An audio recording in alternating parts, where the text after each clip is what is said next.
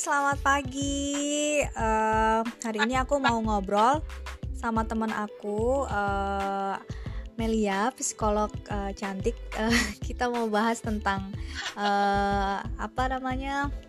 Mau bahas tentang mental block. Uh, sebenarnya dari tadi kita udah telepon-teleponan, udah ngerekam via aplikasi Encore. Waduh, sebut merek nih, nggak apa-apa deh. Tapi uh, karena jaringan entah di Manado ataupun di Jayapura ini yang susah koneksinya jadi keputus-putus. Jadi saya aku coba telepon dia via WA sambil ngerekam ya. Oke, Mel, kita mulai aja ya. Ya, uh, menurut kamu, Mel, uh, mental block itu apa sih, Mel? Oke, kalau kita bicara terkait dengan mental block itu, di mana suatu keadaan yang kita tidak bisa ngapa-ngapain atau fokus. Ini aku bikin bahasanya biar mudah dimengerti ya. Jadi keadaan mental kita yang lemah atau kelemahan seperti itu. Oke. Hmm, terus uh, hal apa aja sih yang buat seseorang itu punya mental block? Uh, kalau dibilang sepasti semuanya punya. Mm-hmm. dan semua orang itu pasti ada ngestaknya gitu nggak bisa ngapa-ngapain. Kalau dibilang penyebabnya pertama pasti keadaan stres akibat deadline atau pekerjaan yang nggak bisa kita selesaikan. Dan mengakibatkan ketidakkonsentrasian kita. Sehingga mungkin kita sudah tahu mau klik apa gitu tapi kita lupa caranya bagaimana? Karena keadaan mental kita yang lemah akhirnya kita nggak fokus. Uh, oke. Okay. Mel aku mau nanya nih. Uh, ya. kalau misal gini seseorang itu mau melakukan mau melakukan uh, sesuatu terus dia punya uh, entah dia di mana atau lagi ngelakuin apa terus atau di tempat kerjaan atau gimana gitu terus melihat sesuatu yang negatif. Jadinya dia mau melakukan oh aku mau melakukan ini nih. Nggak jadi karena mikir gini lah itu kemarin sih itu gagal. Nanti pasti aku gagal. Terus atau enggak uh, uh, itu kemarin uh, kayak gitu. Nanti jadinya kayak gitu lagi. Itu termasuk mental block nggak sih? Dan satu lagi apa aja sih yang termasuk mental block itu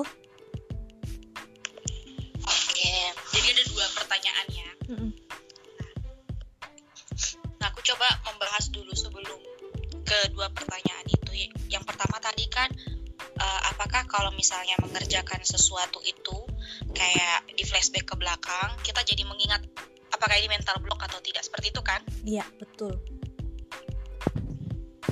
Jadi kalau dibilang kita seperti menyalakan masa lalu kita, sehingga kita membawa-bawanya itu dalam keadaan keseharian sehari-hari gitu.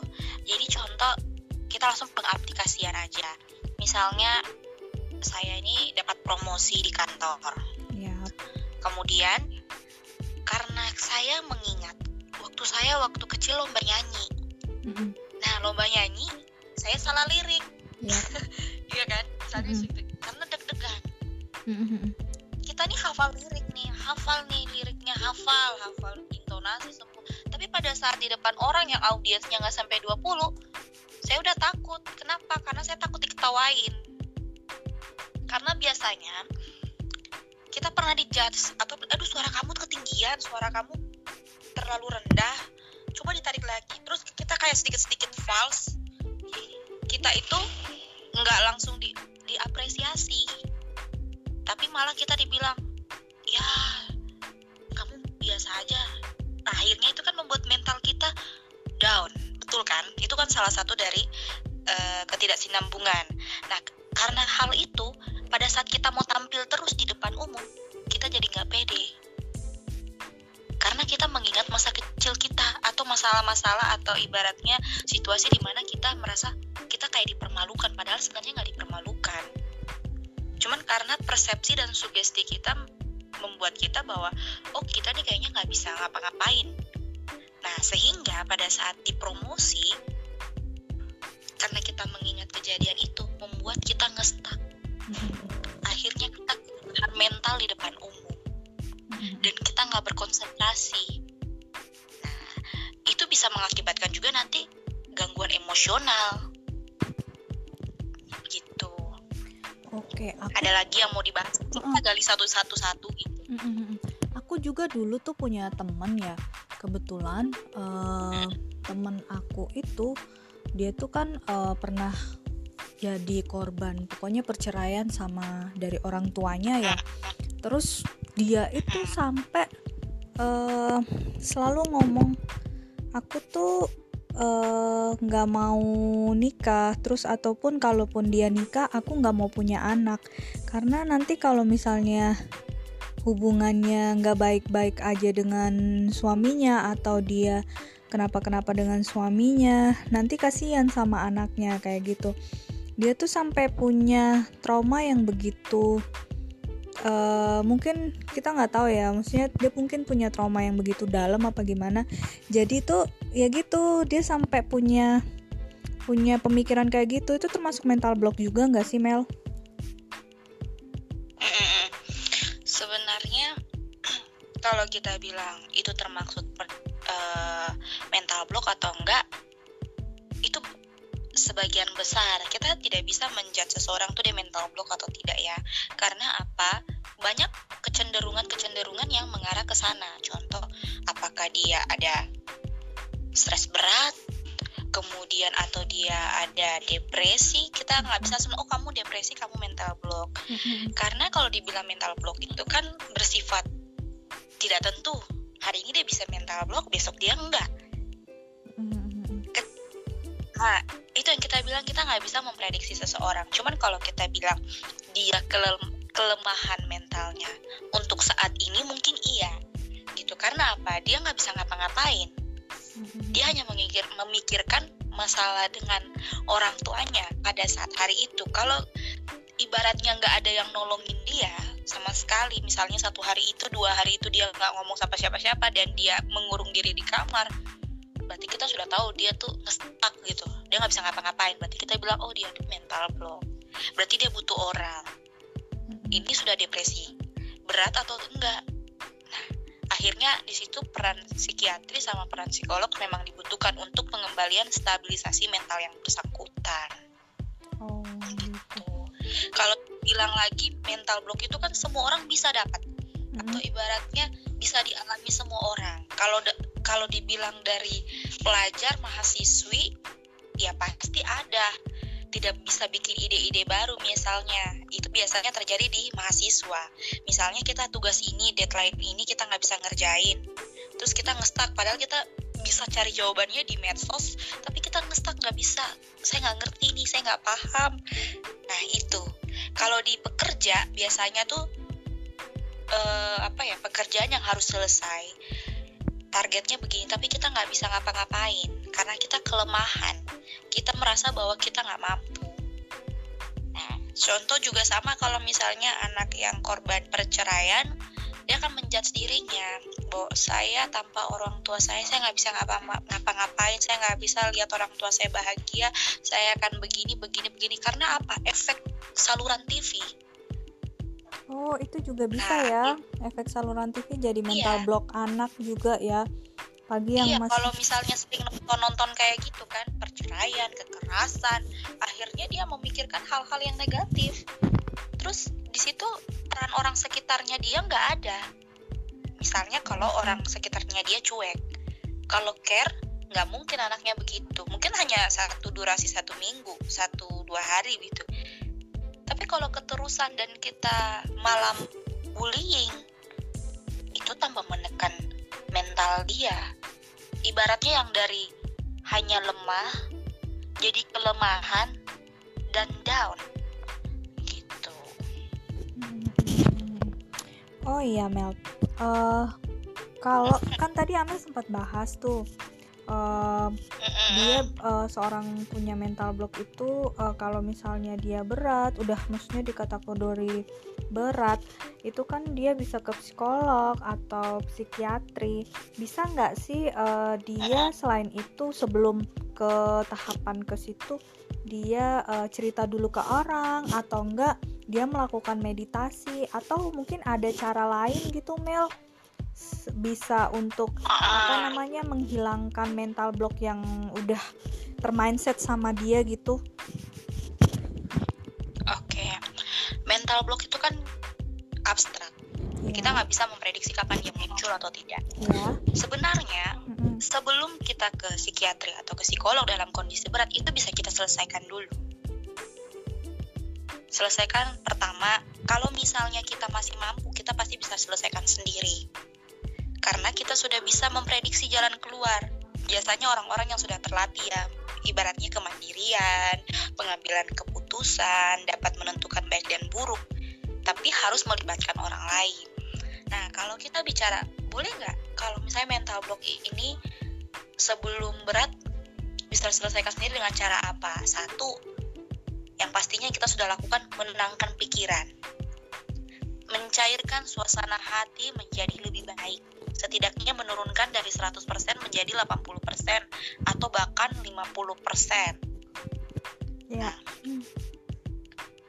cari suasana baru tuh kayak apa? Misalnya kan orang tanya lagi, misalnya kita pikiran kita nih stres nih, udah nggak bisa mikir apa-apa karena kita terkurung di dalam satu kamar ibaratnya mau menyendiri tapi kan malah stres bener nggak?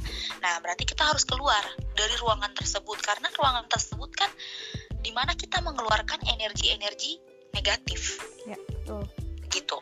Kalau misalnya kita menenangkan diri dalam ruangan yang sempit kotak gitu otomatis kan terpantul. Bukan malah tambah menenangkan tapi malah tambah membengkak tuh. Jadi lebih baik pindah ke tempat yang baru. Oh pindahnya ke mana? Aduh saya di dalam rumah aja.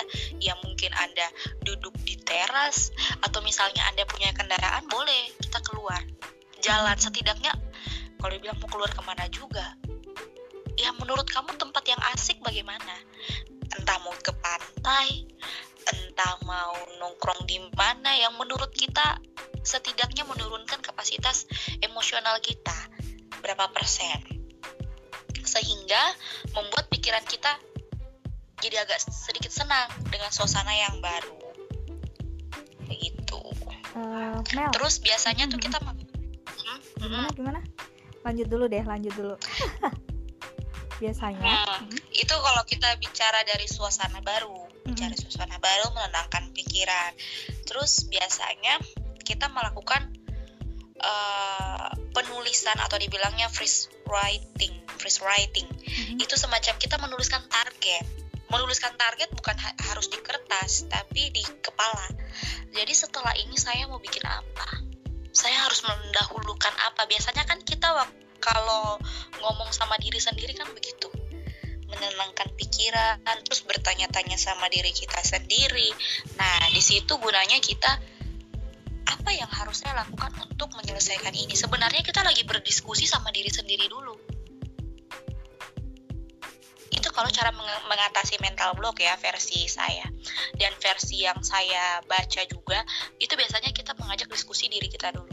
Jadi biasanya apa yang kita tuangkan dalam tulisan itu kita sudah diskusikan sebenarnya. Oh gitu. Nah berarti langkah-langkah apa yang kamu mau ambil untuk menyelesaikan masalahmu? Nah setelah atau apa yang mau didahulukan atau apa yang mau diselesaikan di luar. Nah, setelah kita menuliskan itu dalam pikiran kita, kita sudah membuat schedule, baru kita melibatkan orang lain. Yep. Gitu. Sehingga pada saat kita melibatkan orang lain dalam berdiskusi, dalam mencari solusi, kita udah tahu apa yang kita mau tanyakan.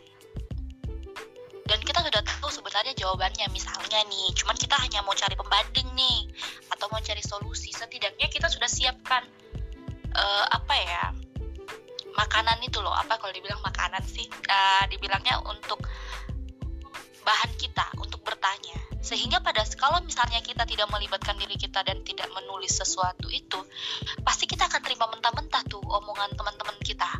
Akhirnya kita mem tambah membuat kita jadi down. Biasanya kan perkataan teman-teman itu ya iya, udahlah nggak usah dipikirin. Betul. mending begini begini begini begini begini. Nah kita tuh padahal nggak mau terima masukan itu mm-hmm. akhirnya kan kita ngapain saya jadi bertanya sama teman saya? Kalau dibilang seperti itu makanya kita harus melakukan yang tadi saya bilang. Menuliskan dulu apa dalam pikiran kita ya. Oh ini ini yang saya mau tanyakan ini ini yang menjadi beban saya. Saya sudah punya solusi buat diri saya tapi saya tidak bisa mengambil keputusan ini sendiri. Oke karena itu saya harus melibatkan uh, rekan saya nah apakah rekan saya memberikan solusi yang baik untuk saya atau tidak? Itu terakhir tergantung keputusan kita sendiri. Apakah kita mencoba untuk melibatkan keputusan teman atau keputusanmu sendiri atau keputusan bersama mendiskusikan. Jadi tidak saling menyalahkan. Takutnya ketika kita memakai keputusan uh, orang lain dalam kehidupan kita kita jadi menyalahkan nah giliran kita tidak mendengarkan perkataan teman kita atau rekan kita kita jadi bilang aduh coba saya nggak dengar diri saya akhirnya kita semakin menyalahkan diri kita makanya perlu adanya pengambilan sebuah keputusan itu sangat berperan sekali di mana tidak merugikan diri sendiri, orang sekitar dan tidak saling menyalahkan. Yep. Itu sih sebagian besar. Uh, oh iya Mel, teman itu hmm. maksudnya atau teman atau lingkungan itu tuh bisa jadi ini enggak sih? Um, apa namanya? Bisa jadi teman yang toksik misalnya toksik atau lingkungan yang toksik itu bisa jadi mental block juga nggak sih Mel? jangankan uh, teman kadang tuh keluarga kita sendiri tuh bisa jadi mental block nggak sih kan? Karena kan kita beda gener apa? Beda generasi ya?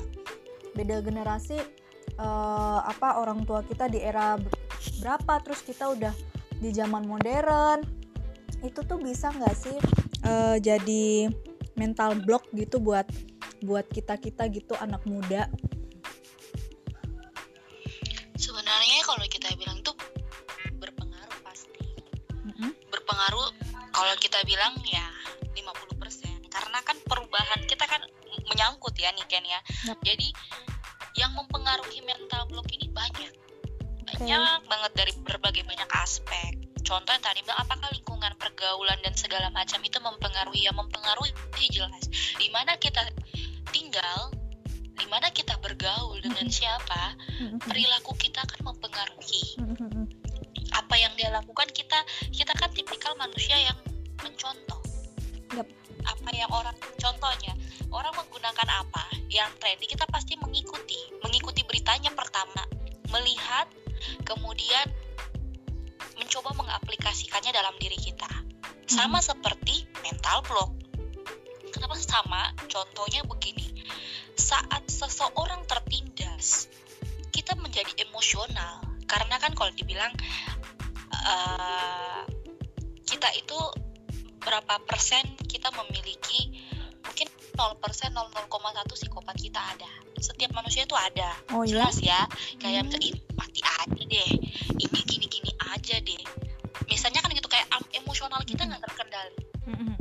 nah jadi pada saat kalau misalnya lingkungan mempengaruhi kamu kalau lingkungannya positif pasti kondisi emosional kita positif kita banyak dukungan. Kita banyak yang apresiasi tidak saling menyalahkan dan tidak saling menjatuhkan. Tapi kalau kita ada di lingkungan yang berbeda dari lingkungan yang sebelumnya disalahkan tidak diapresiasi semua semua dianggap gagal. Nah itu kan bagian dari mental block. Jadi kita jadi kita menjadi minder. Atau misalnya kita nih salah pergaulan nih ngumpul di orang-orang yang high class. Hmm. itu juga kan bagian dari aku nggak bisa ngapa-ngapain nih orang kok otaknya otaknya pinter bener ya? Aduh kenapa saya ada di sini ya? Hmm. sebenarnya kok ada maksud sesu, ada maksud sesuatu kita ditempatkan di situ. Okay. sebenarnya kita tuh pinter sebenarnya kita tuh semuanya serba bisa. Cuman apa? Karena ya itu tadi mengingat mengingat masa lalu menyalahkan diri sendiri nggak mampu padahal orang lain melihat kita mampu betul. Karena apa? Kejadian di mana kita selalu disalahkan. Kamu nggak bisa kamu nggak mampu kamu nggak akan maju kalau iya, kayak gini. benar. padahal omongan yang baik dan benar harusnya begini. Uh, kamu bisa yang penting kamu coba lagi. Nah itu enak didengar. Hmm, tapi kalau misalnya kita bilang kayak gini kamu nggak bisa kamu nggak akan mampu ayo coba lagi. Dengan nada yang berbeda itu bisa mendetoks emosi kita juga berbeda oh. gitu okay. jadi banyak aspek yang mempengaruhi hmm. itu hmm oke oke oke uh, Mel aku mau hmm. nanya nih ini kan uh, mau nanya lagi um, ini kan banyak nih kan ada mental block di kerjaan, mental block di mana, mental block yang sering banget dan kadang aku juga ngerasain itu. Terus mungkin teman-teman yang lain juga ngerasain itu mental block soal pengen punya pasangan nih. nah, biasanya uh -uh, biasanya nih ada orang yang sudah ingin banget punya pasangan tapi kadang nggak nyadarin ada mental block yang dia bangun. Nah itu tuh gimana ya cara agar dia bisa tahu oh iya nih ternyata yang menghambat aku nih karena masalah ini nih karena punya ini nih jadi punya mental block gitu loh Mel. Uh, itu Amel gimana ya? Cara melepaskan mental block ya, ya. mental block itu agar bisa lepas dari seseorang kan itu gimana? Jadi ini ceritanya kita lagi agak luas lagi ya berarti mm-hmm. pembahasannya kita sekarang lebih banyak bahas ke bagaimana hubungan antara lawan jenis. Ya. Itu ya. Mm-hmm. tadi nah, udah secara umum ya kita bahas. ya, sekarang khusus nih. Kalau dibilang kalau dibilang berpasangan pasangan manusia itu banyak. Jadi kita bisa berpasangan dengan kalau dibilang lawan jenis wajar tapi kita kan kalau dibilang manusia itu kan saling beradaptasi saling tergantung. Jadi kita bicara dulu pertama sebelum ke pasangan pastinya kita berbicara dulu dengan siapa kita sering berinteraksi atau kontak. Pertama pasti dengan orang rumah. Yep. bagaimana bagaimana dalam keadaan komunikasi kita sama mereka Nah, itu kan mempengaruhi komunikasi kita nanti dengan lawan jenis. Nah, jadi itu sangat berpengaruh ya kalau kita bahas. Jadi pertama, eh, kalau misalnya kita cenderung cemas, tertutup terhadap informasi diri kita sendiri, sedih, marah, nggak pernah di-up ke orang-orang sekitar kita, bagaimana kita mau menjalin hubungan dengan orang lain? Nah itu sangat berpengaruh. Uh, biasanya sih kalau dibilang bagaimana cara berbaur nanti itu sangat banyak uh, hambatannya sih. Satu, kalau misalnya kita melibatkan diri kita, tidak terbuka dengan diri kita, bagaimana kita akan terbuka dengan lawan jenis kita. Nah, cara mengatasinya pertama satu dulu. Sebelum berhubungan dengan orang lain, jangan terlalu keras menyalahkan diri sendiri. Oke. Okay. Ya, jangan selalu menghambat bahwa kegagalan, aduh saya akan gagal punya pacar, saya akan gagal punya ini. Nah, makanya kita nggak akan punya pacar, hmm. gitu.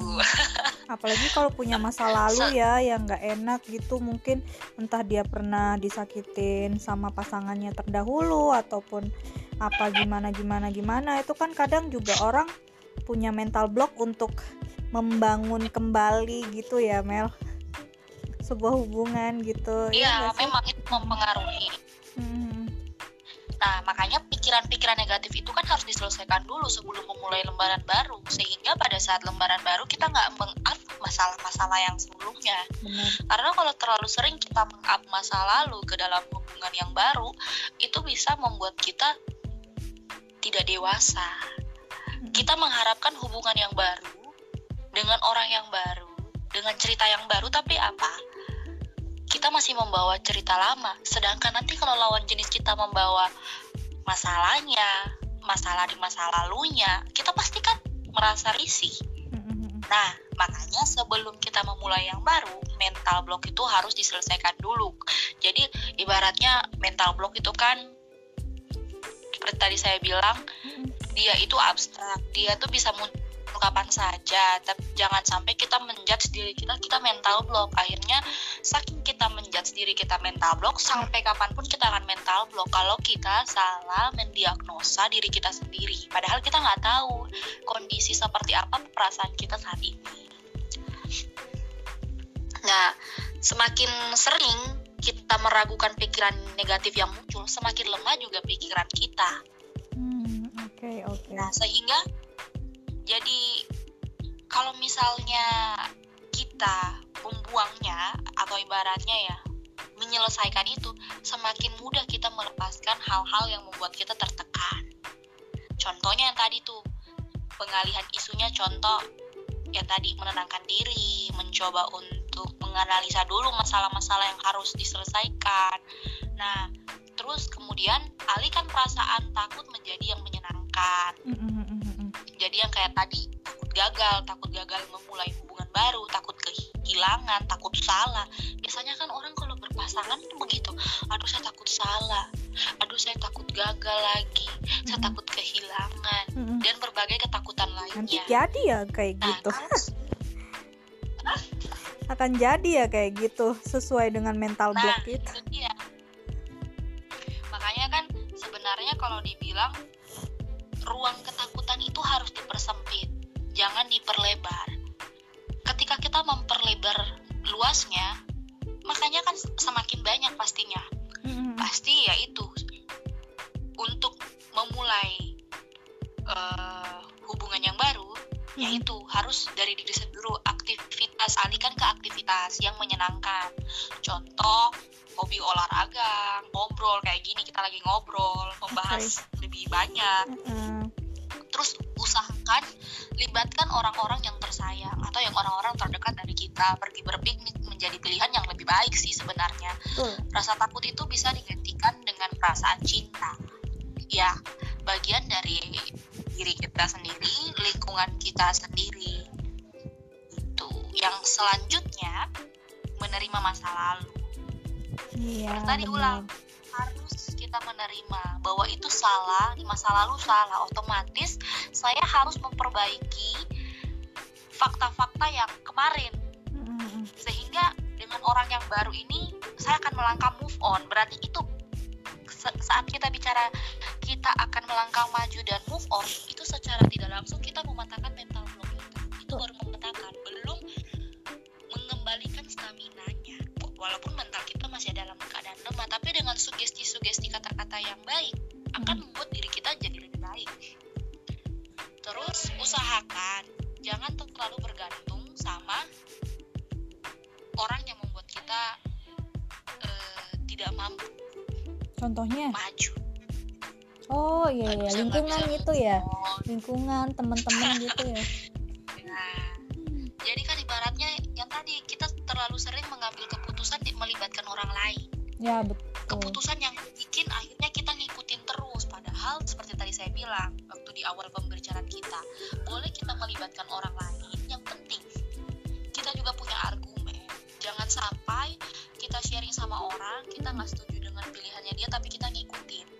Akhirnya hmm. kita merasa pilihan itu yang terbaik.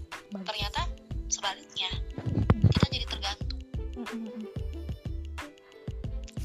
Nah, kemudian e, menurut saya lagi sih kalau semisalnya kita bicara terkait mental block sendiri, semua pasti akan ngalamin. Cuman mengalaminya itu dengan kondisi psikologis orang yang beda-beda.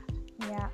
Gitu. Kalau misalnya sudah berat, sudah nggak bisa ngapa-ngapain, nah itu dia baru bisa ke psikiatri untuk obat. Maaf ya Ken. Biasa ada penyanyi lewat. Oh, gitu jangan lagi. Nah, dengan sekarang. Oh iya Mel. Mau nanya um, uh, misal mental block itu kan udah terlalu parah ya. Terus kan um, ke psikiatri atau ke psikolog itu mahal. Misalnya nih kan uh, konsultasi gitu kan nggak nggak mungkin kan keluarin nggak keluarin finansial kan. Nah itu tuh ada nggak sih alternatif lain? Uh, apa nih namanya? Aduh karena aku punya apa belum nggak punya duit nih. Mau konsul psikiatri nggak punya duit. Mau ke psikolog apalagi? Kayak gitu kan. Uh, apa namanya? Ada nggak sih maksudnya cara yang lain gitu selain uh, itu untuk untuk apa namanya? Mengurangi mengurangi setidaknya mengurangi dulu lah mengurangi mental block itu. Karena memang uh, kalau misalnya uh, dia nggak punya duit nggak bisa ke psikolog atau ke psikiatri gitu Mel. Hmm, banyak banyak cara. Kalau semisal dia belum parah nih Ken kita hmm. pasti bilang seperti tadi langkah-langkah yang tadi yang kita udah bahas. Tapi kalau dibilang sudah parah bisa nggak alternatif nah misalnya begini kalau dia ini dalam keadaan mental yang tidak memungkinkan untuk dijadikan terapi otomatis misalnya penurunan kesadaran mm-hmm. kemudian uh, pencernaan nggak lancar pusing dan itu kan bisa mempengaruhi penyakit fisik mm-hmm. sebelum mental ya sebelum psikis otomatis kan harus ditangani dulu ke dokter oke okay contoh kayak kita pusing banget akibat stres kita nyusun skripsi lupa makan kan mengakibatkan kita sakit kan? Kita ya. butuh obat kan? Uh-uh. dan tidur en yang tidur yang teratur sama seperti kondisi mental kita. Kalau dibilang kan bagaimana cara mengobati mental? Ya sebenarnya diri kita sendiri yang mengobatinya. Kalau dibilang penyakit fisik seperti pusing muntah itu kan pasti ada obatnya. Tapi dua mental sama fisik ini saling berkaitan. Otomatis apabila salah satunya sakit, pasti akan mempengaruhi yang lainnya. Otomatis nih kan kalau dari saya apabila sudah berat, berat banget dan mengganggu aktivitas fisik, berarti ya fisiknya dulu yang diobati. Contoh kayak tadi udah down berat, udah nggak bisa ngapa-ngapain, memang memang benar-benar terblok ya, terus hmm. kecemasan, nggak bisa makan semua semua berarti dia dibawa dulu ke dokter. Ditanganin dulu fisiknya. Dikasih obat dulu ketika sudah membaik dan yang bersangkutan sudah bisa diajak bicara hmm. baru kita pelan-pelan melakukan terapi. Terapinya bagaimana? Biasanya bukan psikolog yang berperan atau dokter psikiatri tapi orang tua lingkungan paling dekat. Hmm. oh, nah tapi ada nggak sih klinik at, uh, klinik ataupun rumah sakit gitu yang melayanin uh, apa namanya melayanin orang-orang mental block gitu? Atau kan kayak skizofrenia itu aja ada kan? Dia punya yayasan apa gimana gitu. Jadi orang ke situ tuh eh, nggak uh, perlu biaya gitu loh. Ada kayak relawan atau apa untuk membantu healing ya lebih tepatnya ya untuk untuk itu. mm -mm, yeah. mm -mm. untuk untuk itu untuk apa namanya mengurangin uh, mental block itu. Kira-kira tuh ada nggak sih maksudnya klinik atau apa gitu? Sebenarnya banyak cuman tergantung posisi kita kotanya di mana. Oh gitu. Tapi ada ya Mel. Mungkin ada, ada. Uh, uh, mungkin ada. mungkin jadinya kan uh, tiap teman-teman yang dengar ini kan mungkin kalau pengen uh, aduh gue takut nih curhat sama sama apa namanya sama ini sama temen ini. Nanti takutnya bocor ke mana-mana atau gimana gitu. Dia kurang percaya sama ini. Akhirnya dia mungkin cari tahu di tiap kotanya mungkin ya. Ada uh, apa nih namanya? Ada tempat trauma eh trauma healing. Ada tempat untuk klinik bisa mengatasin itu gitu loh sebenarnya begini ada tempat banyak gitu teman-teman psikologi juga kan ada himpunan psikologi itu di mana-mana ada yep. dari Aceh sampai Papua itu ada ya, kalau mau bener. dicari juga nanti kita bisa bantu linknya oh, gitu. cuman begini yang harus memberanikan diri membuka masalah itu kan pertama adalah diri kita sendiri mm -hmm. kita tidak bisa menganjurkan yuk datang ke saya yuk saya jamin uh, rahasia kamu gak akan kebongkar. Oh. sebenarnya nggak kayak gitu. Jadi kita membuka 24 jam. Siapa yang mau? Misalnya ya men, kita membantu untuk menjadi pendengar yang baik.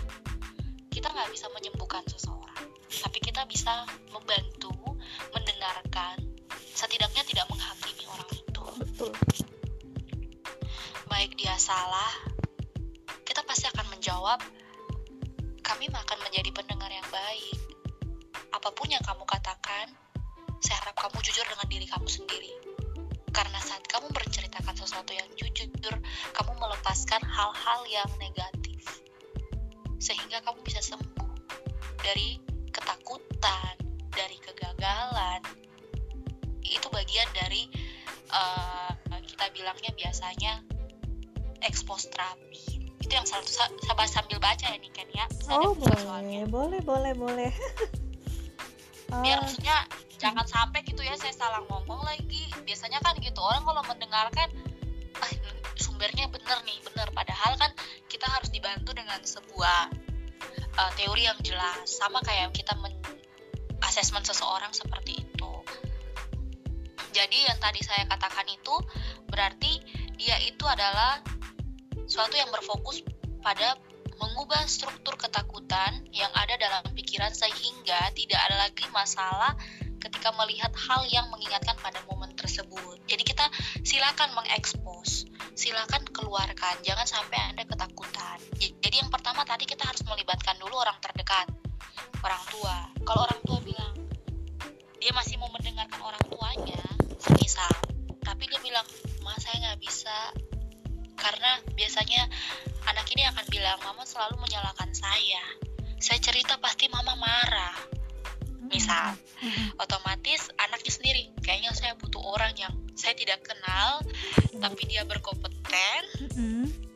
dan dia mampu menyelesaikan masalah saya misalnya orang-orang begitu mampu menyelesaikan masalah tapi padahal sebenarnya dia sendiri yang akan menyelesaikan masalahnya sendiri kita hanya membantu mm. sebagai jembatan untuk mendapatkan jawabannya sendiri itu sih Iya, bagus banget Mel. Uh, ini pembahasannya sangat sangat sangat bagus banget dan aku beberapa uh, apa namanya beberapa menit ini udah 37 menit ya aku dengerin dan uh, uh, dan uh, ada beberapa hal yang bisa aku petik ada beberapa hal yang bisa aku uh, nanti akan aku terapin kayak gitu. Itu tuh sangat sangat bagus banget. Dan ini uh, kita akhiri dulu ya. Boleh kita uh -uh. ses dua sesi berhubung kamu mau dinas kan? Iya bener banget. Aku juga mau dinas siang kebetulan.